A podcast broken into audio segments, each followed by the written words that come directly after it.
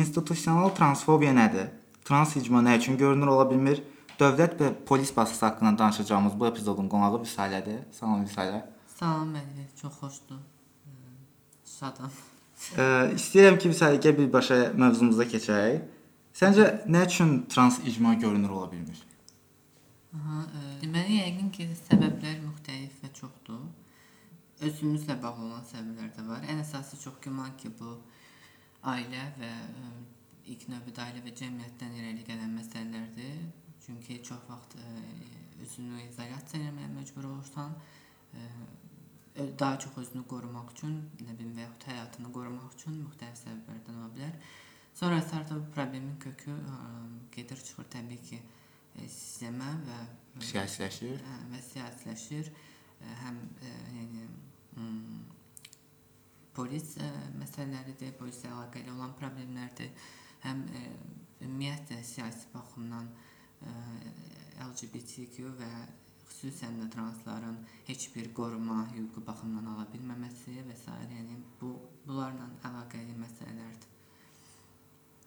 Və çox güman ki, məncə problemin kökü əsas ondan ibarətdir ki, insan birinci öz ətrafından əgər ə, qoruma müdafiə anlayış ala bilmirsə, təbii ki, güc strukturu bundan istədiyi kimi istifadə etməyə başlayır. Mən əslində bu haqqda bilirsən nə düşünürəm? Məncə ümumiyyətlə dövlət bütün icmalara qarşı olur. Çünki icmaların içərisində bərabərlik prinsipi olur, mən belə düşünürəm. Və dövlət cəmiyyətdən güc alır. İcmalar isə həmişə cəmiyyətə qarşı olur və paralel olaraq da dövlətə qarşı olmuş olur, ya da ki, dövlətin gücünə qarşı olmuş olur. Ona görə də dövlət heç vaxt icazə vermir ki, icmalar azad olsun və ümumən məsələn LGBT icmasına baxsaq, bu icma icma dediyimiz şeyin də içində bəzi qruplar var. Ə, məsələn, trans icması da işsizliyə görə bir nöqtədə əl altında saxlanılmağa çalışıla bilər. Məsələn, Aha. birazdan ondan da danışacağıq. E, birazdan demişkən indi girə bilərik istəyirsənsə. İş imkanları necədir məsələn trans insanlar üçün?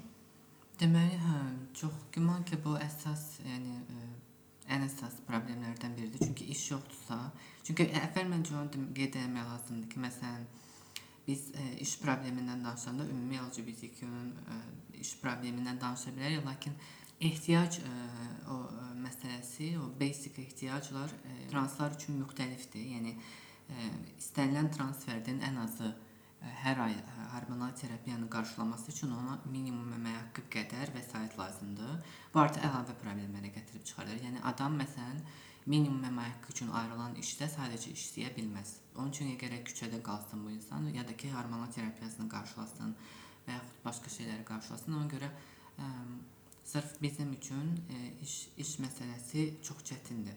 Xüsusən də yəni ə, nəzərə alsaq ki, məsələn bizdə belə hansısa hər hansısa müəssisələr əgər homoseksual fərdləri və yaxud ə, deyək ki, biseksualları və s. işə götürürlərsə, çox az həcmdə və problemlərlə təbii ki, bu baş verə bilirsə, məsələn, transferlər bu imkanlardan da məhrumdular. E, məsələn, lap əgər dibinə belə getsə, əgər məsələn kimsə artıq ə, e, necə deyim, müəyyən pəsti varsa, yəni məsələn trans oğlandırsa, o belə iş tapa bilirsə, müəyyən maskulin görünüşdürsə və s.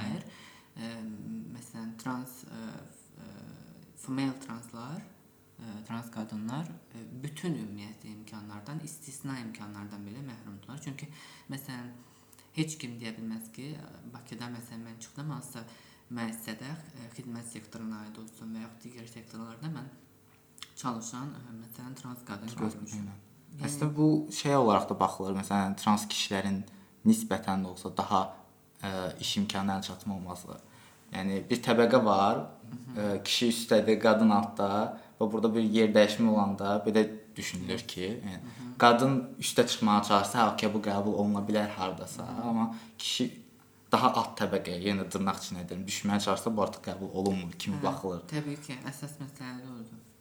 Bizdə məsələn ə, əsasən trans qadınlar ya da ümumiyyətlə translar seks işçiliyi ilə hal-hazırda məşğullar, çünki başqa bir şans olmur. Üstəgəl də seks işçiliyi ölkədə qadağan dairədir. Yəni Aha legal deyil. Legal deyil. Yəni hə. Məsələn, e, bu elə bir şeydir ki, yəni çıxışı olmayan bir ə, mövzudur ki, yəni sən məsələn konkret olaraq ə, vəziyyəti nəzərə alaraq hardasa işləməlisən və əgər heç bir bunu tapmağa ə, və yaxud özünün təşkil etməyə imkanı yoxdursa, məcburən məsələn seks işçiliyi ilə ə, məşğul olursan və bu ə, hər tərəfli baskılarla nəticələnir. Xüsusilə də sən artıq mütləq ə, güc strukturlarından kimlərləsə məcburi əlaqə qurmalı olursan. Hı o qorumanı qeyri-legal təşkil Almaq etmək üçün. üçün və yaxud da bu gətirib çıxarda bir yəni ə, onların artıq səni yəni tamamilə idarə et, idarə edəcək şeyə gətirib çıxarmasına ki bu həm ə, icma daxilində problemləri yaradır. Məsələn, bizdə konkret fakt olaraq bil, bilməsə də yəni daima eşidirik ki, məsələn hansısa transgender digərini ə, məsələn ə, deyək ki, necə deyim, ə, nişan verir və yaxud bu, bu tip məsələlər olur. Bu çünki artıq vəziyyətin yaratdığı problemdir və ə, burada konkret biz kimi səfərdə tutub deyə bilmərik ki, sən bunları özün eləyirsən, bu sənin günahındır. Çünki artıq vəziyyət belə formalaşır və bunu düzəltmək üçün əsas problem odur ki, heç kim heç nə eləmir də. Bu gün məsələn mən keçən dəfə danışanda düşünürdüm ki, bizdə beynəlxalq ə, franşizaların ə, distributorları var. Hı -hı. Burada həm texnologiya satışı ilə əlaqəli olsun, fast food franşizaları olsun.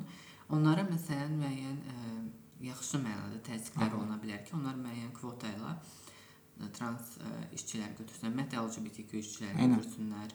Ə, mən çünki eşitdiyimə görə hətta bir neçə il əvvəl məsələn Hard Rock kimi Aha. bir franşizada belə bir biabırçılıq olmuşdu. Ora trans qadın gəlmişdi və ona xidmət göstərməkdən imtina etmişdilər. Yəni mən də əslində bununla bağlı bir iki şey bilirəm. Məsələn, hətta daimi olaraq getdiyimiz bir yerdir və icmanın da bir çox insan icmada olan mən tanıdığım ən azından ətrafımdakı insanların getdiyi bir yerdir.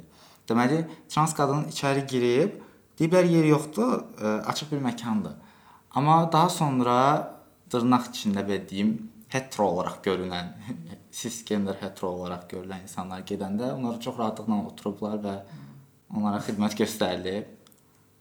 Yes, bu əslində böyük bir abırçılıqdır və bu barədə ümumiyyətlə şikayətlərin özləri də olunsa yaxşı olar. Çünki məsələn Hard Rock kimi bir yeri ə, yaxşı cəzalandırmaq olardı sırf bu məsələyə görə və ə, kompensasiya da tələb etmək olardı. Hı. Çünki böyük şirkətdir. Amerikada yəni bu, bu belə bir şeyin olmağı mümkün deyildi. Heç kim buna risk eləməz məsələn və yaxud da Avropada. Burada onlar necə bu qədər qudura bilirlər? Məncə bu həm bizim müəyyən qədər şeydir, həm ə, reaksiya göstərməməyimizdən. reaksiya göstərməməyin səbəbi də, hə. çünki həmin yerlərin məncə adları xüsusilə qeyd olunmalıdır və həmin yerlərə nə biz, nə kimlərsə dəstəkçi adlandırırlarsa özlərini ora getməlidirlər. Bu yerlər məncə boykot olunsa. Eynən, əslində məncə dediyim yer məkan hal-hazırda bilsən necə hal-hazırda onu yaydım öz ətrafıma. Yox, belə bir hadisə baş verib. Daha əvvəl oradan ümumi bir icma görüşü təşkil olunmuşdu orada. LGBT-lər içəridən çıxarılmışdı. Amma daha əvvəl o yerin məkanın xəbəri var idi ki, bura LGBT-lər gələcək icma görüşü üçün. Amma sonra necə oldu çıxarıldı və cəmaət gedib parkda icma görüşü eləməli oldu. Belə qəribə bir mənzərə idi. Və ona rəğmən hələ də getməyə davam edirlər niyəsə. Mən deməyimə rəğmən də uşaqların hətta bəziləri dedi ki, hə onlar məcburdular belə eləməyə ki, rəqsə almasınlar tipli, yəni bunlar sadəcə bəhanədir onsuz. Biz bunu açıq şəkildə bilirik. Əslində bir də şikayətlə bağlı deyirsən, məncə insanların şikayət verməklə bağlı da qorxular var, xüsusən də transların qorxuları var. Çox narahatlar. Çünki ümumiyyətlə hətta onlar polislə üz-üzə gəlməkdən belə bəzən qorxurlar. Hə, yox, sadəcə mən nəzərdə tutduğum şikayət daha çox məsələn həmin ə, franşizalar öz başına deyirlər də. Kimsə bizdə məsələn Hard Rock açıbsa, bu beynəlxalq şəbəkəyə %100 bağlı bir yerdir. Və Əsas ofislərə müraciət etmək olar. Sadəcə bunu fərdin özünün eləməyi biraz şeydir. Buna baxan konkret bir kiçik bir qurum olsa, qurum kimi və yaxud da hər hansı bir hüquqşünas olsa, bundan konkret məsul olan Məsələn, aktivistlərlə danışmaq olar, bəzi ictimailəşdirmək Hə, olar məsələni. Sadəcə hə insanlar məsələn özləri də məlumatsızdırlar ki, belə bir şey eləyə bilərlər. Var. Və indi seks işçi ilə danışmışkən, seks işçiliyin bir etik tərəfliyindən danışaq, bir də bu seks işçiliyi ilə necə güc strukturları var ki, dediyimiz insanlar necə ələ ala bilir. Mən istəyirəm bunlara da toxunaq. Hə, yaxşı olardı. Yəni etik tərəfi dedikdə məsələn ə, Kimə görə etik, nəyə görə etik kimi belə bir şey bölmək olar səncə? Məsələn, mənim üçün məsələn bir şeyə pul girməsi onu heç də qeyri-etik eləmir. Amma kimsə üçün eləyə bilər. Yəni hər kəsə görə dəyişə biləcək bir şey. Hə, və yaxud da yəni nə bilim, məsələn, ım, söhbət sırf belə puritan sayığı şeylərdən gedirsə, yəni monoqam münasibət, məna- münasibətə meyillilik və sairədən gedirsə, məncə bu əxlaqi ümumiyyətlə etik məsələlərdir ki, bunu insan özü üçün belirləyirsə, seçirsə, bunu özü üçün də saxlamalıdır. Bu yəni kleymo kimi kiməsə soxulmalı deyil. Əgər mən məsələn özüm e, yəni poliqamik münasibəti özümə uyğun bir şey hesab eləmirəm. Yəni düşünmürəm ki, həyatımın hər hansısa bir dövründə belə bir münasibət mənə uyğun olar. Və yaxud da yəni məsələn bir çox insanla e, yataq bölüşmək, yəni və yaxud partnyorları tez-tez dəyişdirmək. Bunlar sırf mənə uyğun deyilsə, mənə də uyğun deyil. Bu e, yəni başqasını qeymolamaq, ə, əxlaqsız çıxarmaq və yaxud da hansısa bir şey çərçivələr ona soxmaq mənasına gəlmir. Çünki bu hərəkətin özü Eynən. Və əxlaqsız. bir də əslində hə iş e, sekslə bağlı olduğu üçün bizdə seks nə olur? Belə Pandora qutusu var. Seks atıb onun içinə. Heç kim oradan çıxardan bilmir, danışmaq olmaz. Bu da biraz da işi belə dırnaqçı canavarlaşdırıbmı, dəhşətləşdiribmi? Ümumiyyətlə biz bundan danışa bilmərik də. Yəni belə bir şeydir. Hə, əslində o ikinci problem də odur. Çünki heç normalda yəni ümumiyyətlə seks işçiliyini kənara qoysaq məsələn, əgər bir bir e, şəxs xüsusən də qadınsa, məsələn onun onlar istədiyi kimi məsələn partnyorlarını onlar istədiyi e, əxlaq çərçivəsində müddətində yox, daha tez dəyişirsə, bu özü də artıq həmin problemlə qarşılaşmasına gətirib çıxarır. Eynən. E, eyni zamanda da məsələn o sadəcə fikri ümumi, ümumilikdə formalaşdırırlar. Məsələn də danışsaq o bloger hansı ki son Aha, bir ay ərzində hə, yəni tez-tez hücumlar edir. O məsələn ümumiyyətlə formalaşdırmağa çalışır ki, LGBTQ kim varsa fərdlər, bunların hamısı ümumiyyətlə seks işçidirlər. Aha. Yəni sadəcə o cəmiyyətin seksə və seks işçiliyinə reaksiyasını bunun üzərində Ümumiləşdirmək istəyir. Hə, Ümumiləşdirməyə eynən. çalışır. Çünki biz onsuz da deyən deyirik ki, məsələn, ümumiyyətlə hamı bilir də ki, yəni icma böyükdür və müxtəlif insanlar var. Müxtəlif işlərdə, peşələrdə çalışan insanlar var. Yəni bu e, elm sahələrindən tutmuş seks işçiliyinə kimi gələ bilər. Yəni siz iyerarxiyada o seks işçiliyini hansı tərəfə qoymusunuz, o sizin probleminizdir. Amma bu o demək deyil ki, yəni e, bizim hamımızda müəyyən bir şey qoyula bilər də, yəni ki, e, bunlar falan mütləq bu Çərçivə qoyula bilər ki. Bir də hər seks işçinin illegal olması səncə nə tip bir problemdir? Yəni mən məsələn düşünürəm ki, seks işçi illegaldır deyə seks işçilərini çox rahat bir şəkildə dırnaq içinə deyim, açıq mı, ilişdirə bilirlər də, ələ ala bilirlər, saxlaya bilirlər. Adi 2017-də də məsələn 2017-də yüzlərlə bildiyim qədərlə insan ə, polis tərəfindən qaçırılmışdı belə küçə ortasında qaçırmışdılar adamları. yəni Əsasən də seks işçiləri idi onlar. Eynən. Və məsələn bir de, e, bir şey eşitmişdim bunu. Onun olmasının səbəbi bu imiş. Deməli, vəzifəli insanlardan birinə e, queer seks işçilərindən e, hansısa bir xəstəlik keçib və o da bunu belə dırnaq içində intiqam olaraq eləyib. Yəni ki, deyib ki, yığın. Belə bir şey eşitmişdim mən bu yaxınlarda. O, yəni mən hə bu çox belə həm şeydir, yəni absurd kimi səslənir adama. Lakin hə, məsələn o illegal və legal tərəflərindən danışsaq, mən məsələn səmimi olsam mən düşünmürəm ki, Azərbaycanda bu kağız üzərində legal olandan sonra bu problemlər bitəcək. Eynən. Lakin yəni bu sadəcə məsələn hü- hüquqşünaslar və hü- hüquq müdafiəçiləri çox vaxt sadəcə bunu ə, danışmalarının məncə yaxşı tərəfi odur ki, yəni biz ən azından müəyyən кейslərin arxasınca gedə biləcəyik. Aha. Bu sadəcə buna gətirib çıxarmır. Yəni SNQ reallığından danışsaq da, çünki bura yəni müəyyən heç olmasa inkişafı keçmiş Şərqi Avropa ölkəsi belə deyil ki, orada hüquqla dövlətin nəyəsə məcbur eləmək olsun. Burada çünki dövlət ümumiyyətlə heç nəyə tabe olmur. E, Və açıq-aydın məsələn elədiklərini yenə çox açıq-aydın eləyirlər də və arxa, arxasında da dururlar. Həmin o məsələn ə, pogromları heç kim çıxıb rəsmi şəkildə inkar eləmədi. Aha. Yəni və yaxud da bunun barədə şey verilmədi ki, bizdə məsələn dövlət səviyyəsində belə bir şey ola bilməz. Yəni bu barədə açıqlama verilmədi. Eynən. Hətta məsələn mənim bu yaxınlarda baş polisə gedən bir dostum bu haqqda orada danışmışdı ki, bəs belə bir şey olub. Polis qayıdıb demişdi ki, hə olub, ancaq seks sek- fahişəliklə məşğul olan insanları yığmışdıq. Belə açıq şəkildə deyir də və bunu deyir ki, heç bir zorakılıq halı olmayıb. Sadəcə biz onları yığıb yoxlanışa göndərmişik hamısını. Belə bir şey olub. Yəni kiməsə birdən xəstəlik keçərdi. Hə, mən də Yəni bunu barədə bunu deyir. şayə eşitmişdim. ki, yəni o həmin dövrdə bunu, yəni bizdə bir neçə bir neçə deyəndə bir ə, Avropa ölkəsinin ə, rəsmi nümayəndəliyi də dəstəkləyirmiş ki, yəni bu keçirilsə yaxşı olar. Nəsə belə bir şey ki, yəni bu xəstəlik yayıla bilər və s. kimi şey. Dəqiq bilmirəm fakt olub olmamasını, amma yəni şayə kimi mən də eşitmişdim onu. Hə, 2017 hadisələrinə istəyirsənsə biraz girək. Hə. Yəni hə, 2000 bu hə. son yəqin ki, dövrlərdə baş verən ən böyük ə, belə ə, mənfi ə, hallardan biri idi. Mən özüm, yəni ki, sadəcə məsələ budur ki, bu məsələlərin ə, o haşiyədən çıxmaq istəyirdim ki, bu məsələlər o qədər pis ictimailəşdirilir ki, bizim öz tərəfimizdən də, media tərəfdən də. Mən məsələn o barədə sadəcə ötən il bir dostumdan, hansı ki, icmadan deyil, ondan öyrənməli oldum. Həmin vaxtdakı mən eşitməmişdim ki, bizdə belə bir şey olub. Halbuki mən də Bakıda yaşayıram. Sosial şəbəkələrdən istifadə edirəm. Arada xəbərləri falan oxuyuram, amma bu barədə heç yerdə eşitməmişdim. Necə ki, məsələn, ötən ay, məsələn, indiyə qədər ə, Nurayn qətli barədə xəbərlər lazımi qədər ə, yəni ictimailəşmir.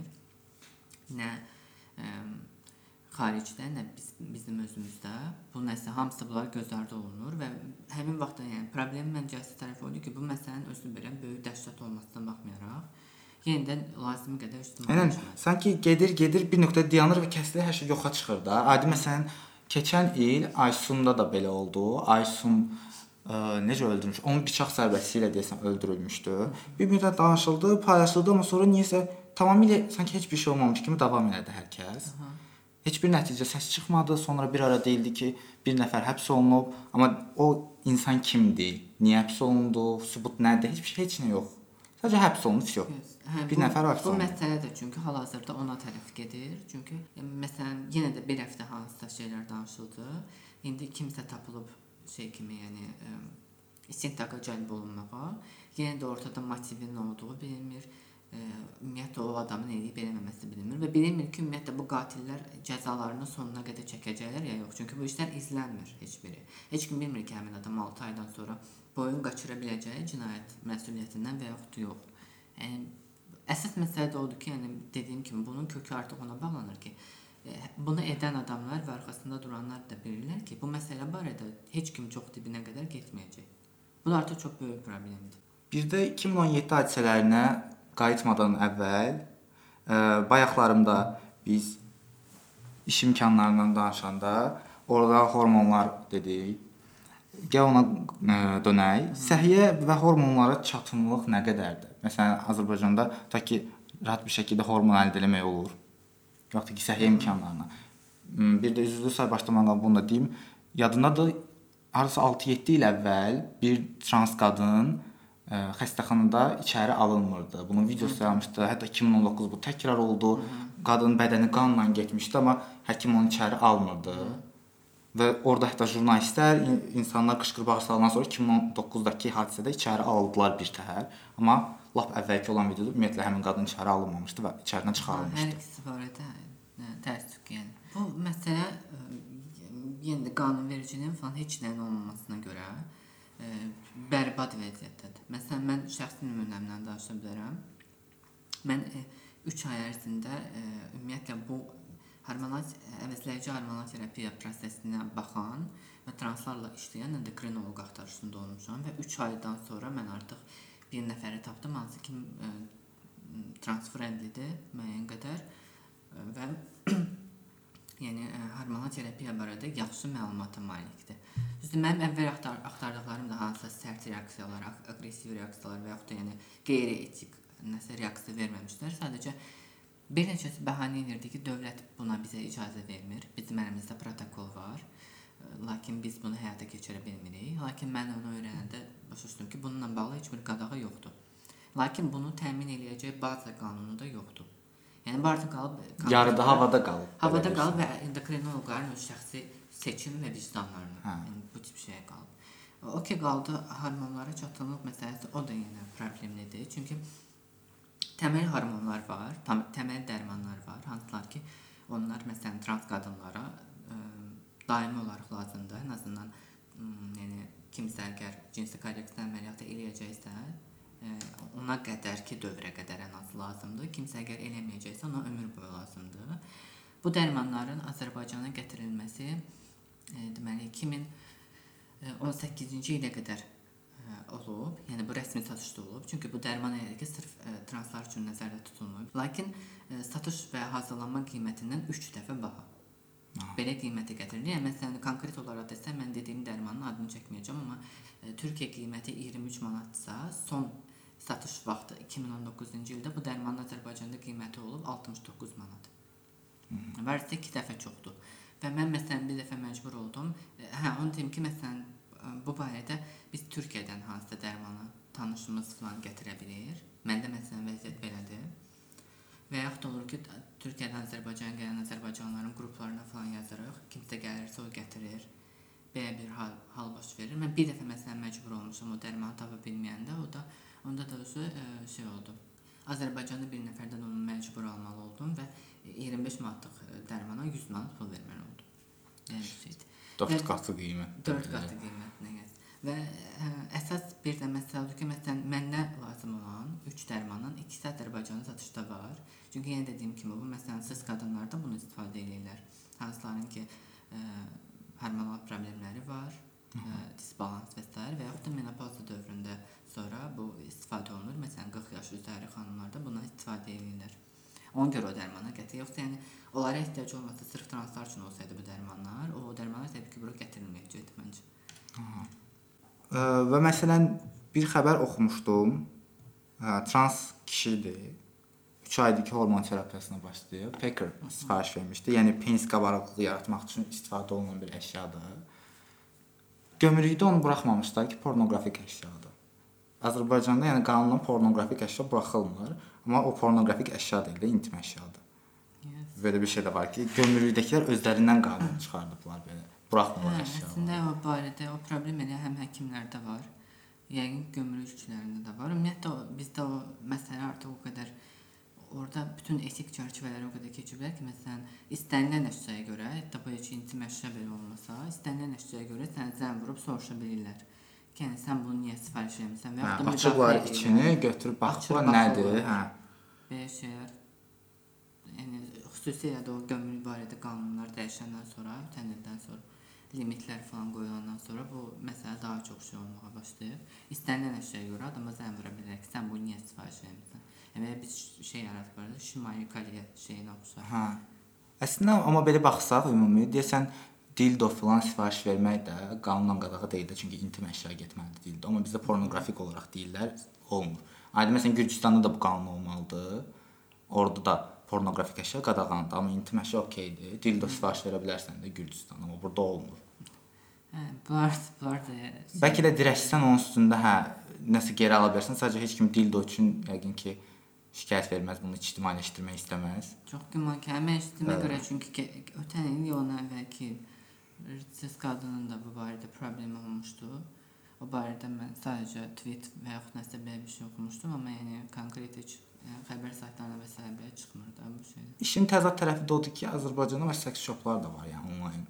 Necə seks shoplar var. Hə. Hə. Onların artıq yəni ki təbii olaraq hamımız bildiyi kimi artıq kimsə arxasında dayanır. Yəni Yaxud da necə necəsə bir yolla artıq bilmirəm. 2017 hadisələrini istəyirəm qayıdaq. 2017 haqqında nələr bilirik, biraz danışaq. 2017 hadisələrində ə, 2017 haqqında bir film hazırlanmışdı.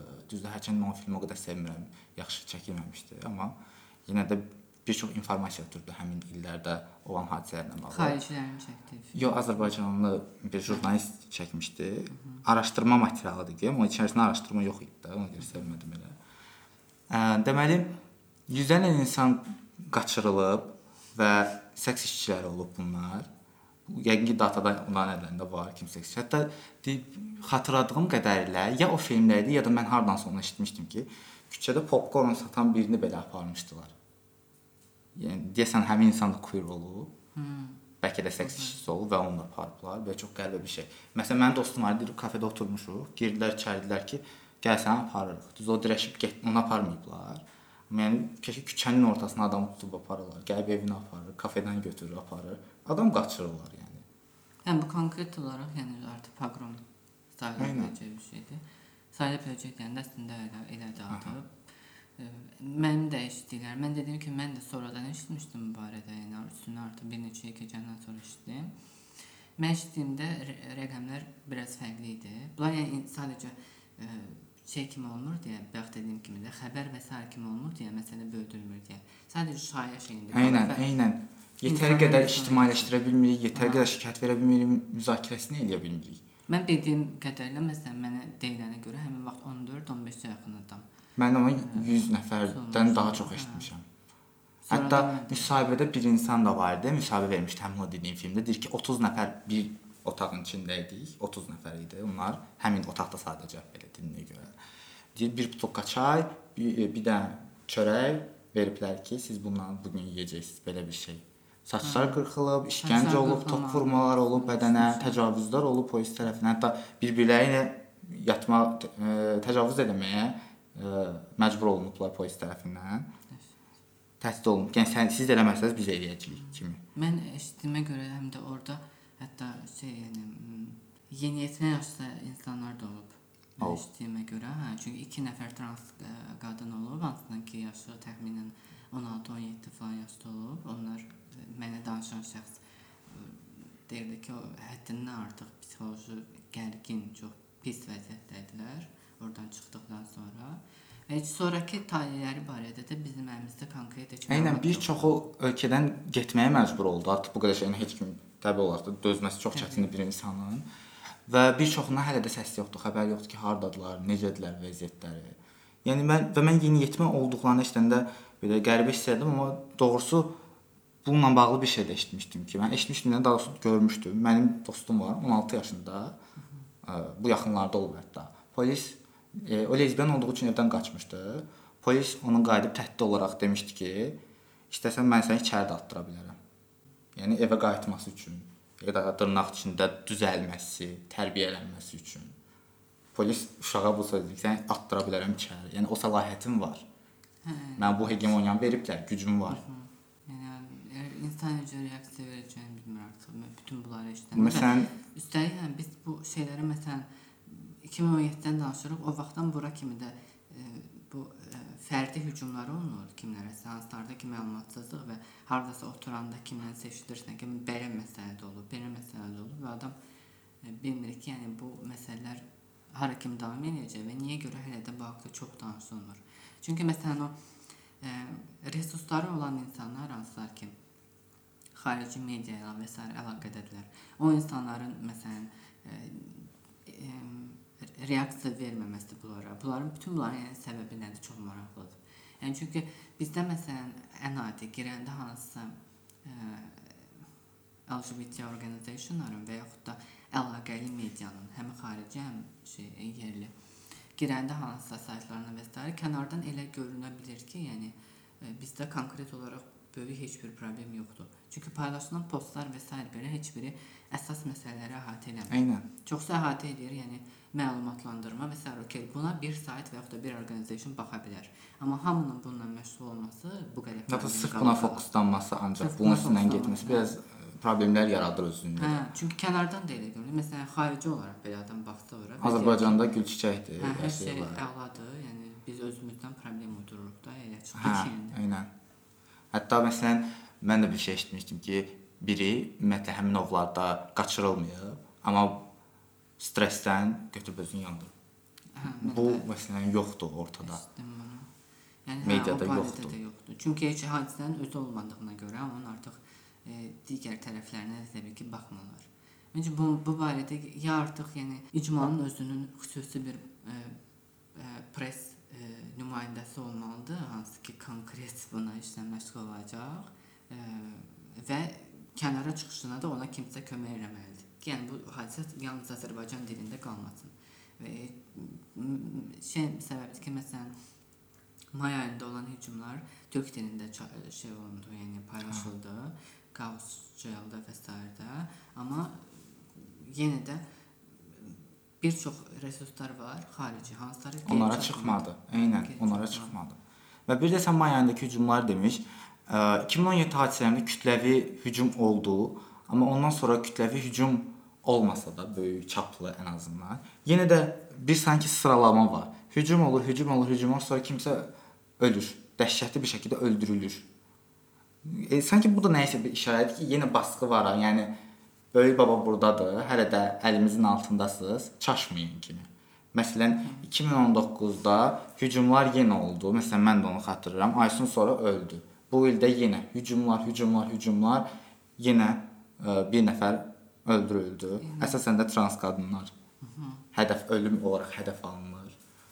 Və mediada da şey olaraq son qətil, əl qol bağlı yandırılma xəbəri qadın olaraq yazıldı. Okay. Mən birinci oxuyanda deyirsən ki, a qadın da, yəni nə əcəb bunu cinsi azlıq kimi tirajlamayıblar. Amma bir də bunun bir tərəfi də var ki, trans olduğu da bəlkə bir gizlədilir burada media tərəfindən ya da ümumiyyətlə buna reaksiya götürülməsə çalışır ki, Azərbaycanda ümumiyyətlə də LGBT icmasına qarşı heç bir şey yoxdur kimi. Çünki bilsəncə bu ölüm xəbərini də birinci tirajlayanlar ya da birbaşa bom hər yerdə paylaşanlar iqtidar yanlısı media olur da. Aha.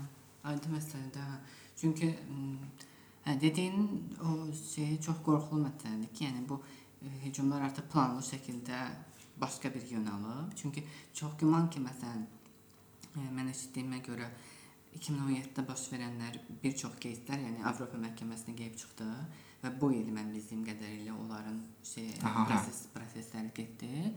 E, ola bilər ki, ondan sonra müəyyən artıq müəyyən qədər də olsa hansısa beynəlxalq təzyiq olunub və bu təzyiqdən sonra üsul olaraq onlar seçiblər özlərinə ki, yəni daha kütləvi belə proqramlar eləməyək, Aynen. yəni şəxsi hansısa şeylər. Xırda-xırda ilişək. Çünki bu cinayətlərin sonunda da, yəni hətta cinayətkar tutulsa belə son şəxsi münaqişə yazılır.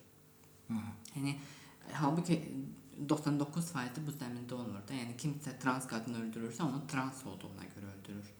Yəni şəxsi münaqişə zəmini bu barədə şeyin əlində güc strukturlarının əlində çox yaxşı bir Hə. e, açar kimi. Şəxsi münaqişə ilə də başqa bir söhbətdir bu şəxsi Hə, və münaqişə. yaxud da şayə kimi yayırlar ki, yəni məsəl üçün bir trans ə, seks işçisi digərini onun müştərisini aldığına görə o təşkil edib bunu. O qədər belə şayələr yayılırdı ki, hətta mətbuat deyilən o şeylər belə ə, Instagram mediası və s. onlar belə bu barədə danışırdılar. Plus yəni məsələn Nur Nurayn məsələsində bütün o təzyiqin ona tərəf yönəldilməsindən və onun faktiki hədəfə çevrilməsindən də elə media öz təşkil elədi. Eynən. Yəni Instagramda çünki bunu paylaşmağa başladılar. Sonradan həmin o adını çəkmək istəmədiyim şəxs, o bloger, hər kimsə şəxs deyən şəxs sözü çox böyükdür onun üçün də o canlı. O başladı bu məsələni konkret fokuslanmağa üstünə. Arda-arda çəkdi, göstərdi. Elə mən bir də bundan da danışmaq istəyirəm. Məsələn, son 2 ildə olanlar ya bloger ya da sosial mediada tanınan bir insanın əli ilə olub. Gözdən keçən Ata Abdullayev, bu gün Sevinç, bu il Sevinç. Yəni sanki o hədəfi də özlərindən yayındırmağa çalışırlar bu hədəfi. Yəni biz eləməmişik ki, onlar elədi kimi. Hə, faktiki olaraq çünki bunlar konkret yəni bu əl kuklası fiqurunda olan adamlar olur. Bu artıq ikinci dəfədir biz görürük bunu. Evet, sonradan bədbəxtlərin özləri belə həmin o hədəfin qurbanı olurlar. E, çox güman ki, indiki bu klonun da axırı yəni elə də qutaracaq. Sadəcə məsələn ə, qorxulu tərəfi ondadır ki, yəni məsələn mən onun paylaşımlarını izləyəndə, okey, bu adam xəstədir, tutaq ki, yəni amma bunun şəhərlərində on minlərlə insan var bunun elədiyini dəstəkləyən və. Qətlə çağırışa e, birbaşa olaraq şey verəndə, yəni hmm, necə deyim? Qətlə Hə, alqış yəni. tutan ya da birbaşa onlar da qoşulurlar və həqiqətən bunun nəticəsində çox ciddi aktlar ortaya çıxa bilər, çox ciddi qətllər ortaya çıxa bilər. Çünki hə, bir şey təbii ki normallaşırsa, yəni cinayətkar əgər görürsə ki, bu normallaşma dövlət səviyyəsində gedir. e, bunun yəni sonunda heç bir məsuliyyət daşımayacağını da düşünür. Necə ki məsələn siz qadın qətllərində bu şeylər baş verir. Onlar bilirlər ki, yəni e, bu qadın qəsdi bunu namus zəminində və s. öz uydurduqları yazar. nələrsə görə çıxarda biləcəklər və özlərini qurtara biləcəklər. Necə ki məsələn bu yaxında da oldu.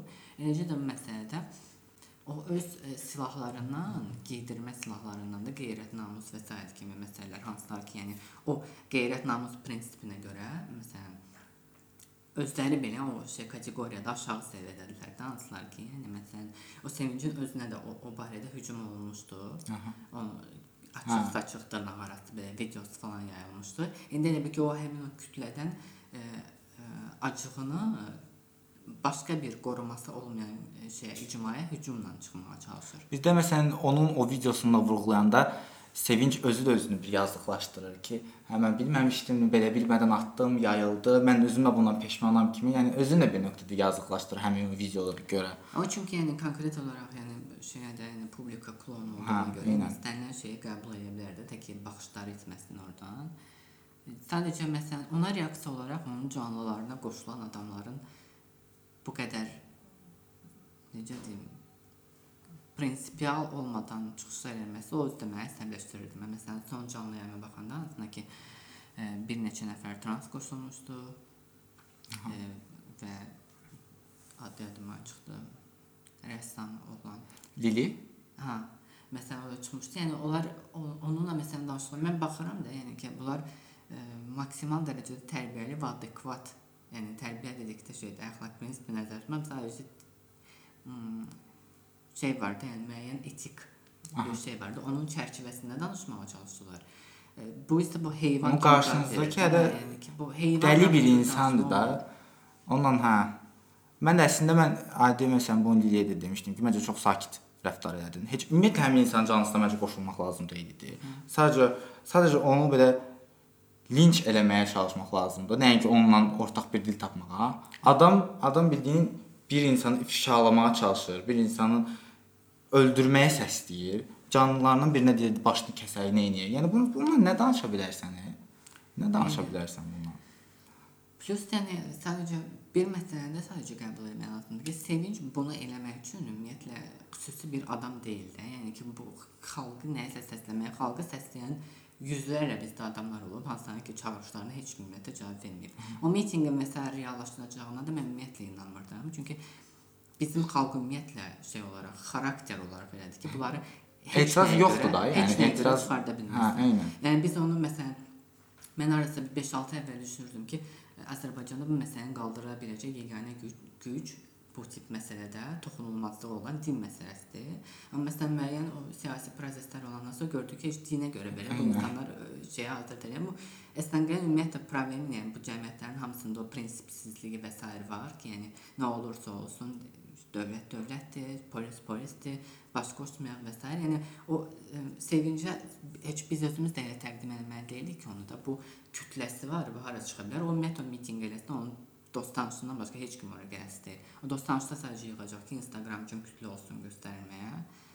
Yəni e, istənilən dərəcə o qədər iyrəncdir ki, ölkənin barədə gündəmi və vəziyyəti. Yəni adam mən məsələn o şəxsiyyət vəsiqəmi daşımağıma və orada sadəcə bu Azərbaycan sözü yazılmağına görə belə utanıram. Ki, yəni bu ölkə bu dərəcədə pis vəziyyətdədir. Yəni hansısa e, Tunisin və sair vəziyyətindədir. Yəni bu foyda bizdə şey hə, sevincin əslində bir şey çox diqqət çəkir. Yəqin ki, bunu hamı da diqqət çəkir. Şey söhbəti var ya, kimsə çıxıb dövlətə prezidentinə sizi sırazı baslar çağırır, amma sevincinci rahatlıqla danışa bilir. Yəqin burdan olsa bilinir ki, nəsə burada bir iş var da. Yəni bu sevinc tək deyil ya da sevinc ənənəvi klassik bir Azərbaycanlı bloger deyil, çıxsın istədiyini danışsın. Ya da ki, sevinc tutaq ki, hansısa bir trans Ya insanın üçün, özü üçün özü qalxanı var onun. Məsələn gedir hansısa yardımlar və s. bunu çəkir. Bu onun qalxanı. Hə, eynən. Yəni Şəhid ailələrinə yardım eləyirəm, Hə. nə bilim, vətən, millət, Sakarya söhbətini Hə. girir ortaya. Həm bu məsələ var, həm yəni o məsələ var ki, o məsələ nə isə deyibsə, nə vaxtsa iqtidara qarşı və s. İndi məsələn əksini edir. Prezidentin hansısa çıxışlarını götürür. Oradan nələr Hə, deyir. hə. Çünki öz arxasında bu gücü hiss eləmək istəyir də. Çünki bəlkə də heç o ümumiyyətlə ə, güclü hansısa bir şeylə əlaqəli deyil, amma bu gün o əlaqə ə, yarana bilər də, yəni Aha. bu şeylərdən sonra. Yəni Bir də çox maraqlı gəlir.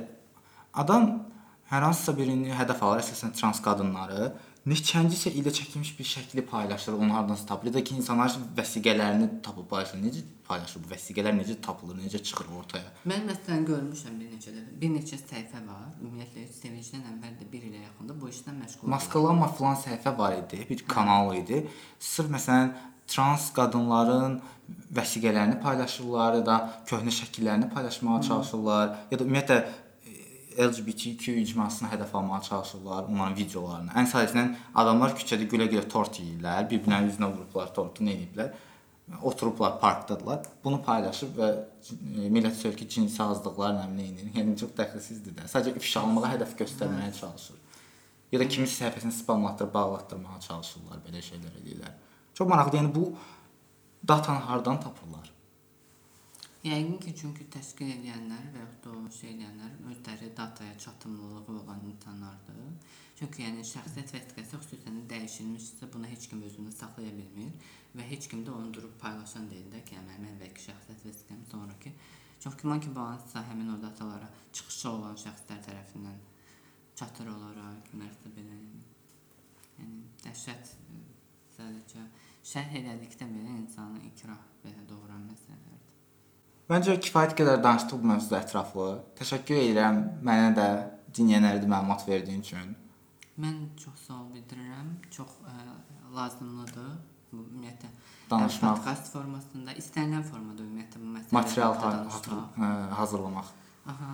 Yəni ona görə çox şad oldum və ümid edirəm ki, ardıcıl olacaq, davamlı olacaq və ə, daha çox kütləyə çata biləcəyik ümumiyyətlə. Ümid edirəm.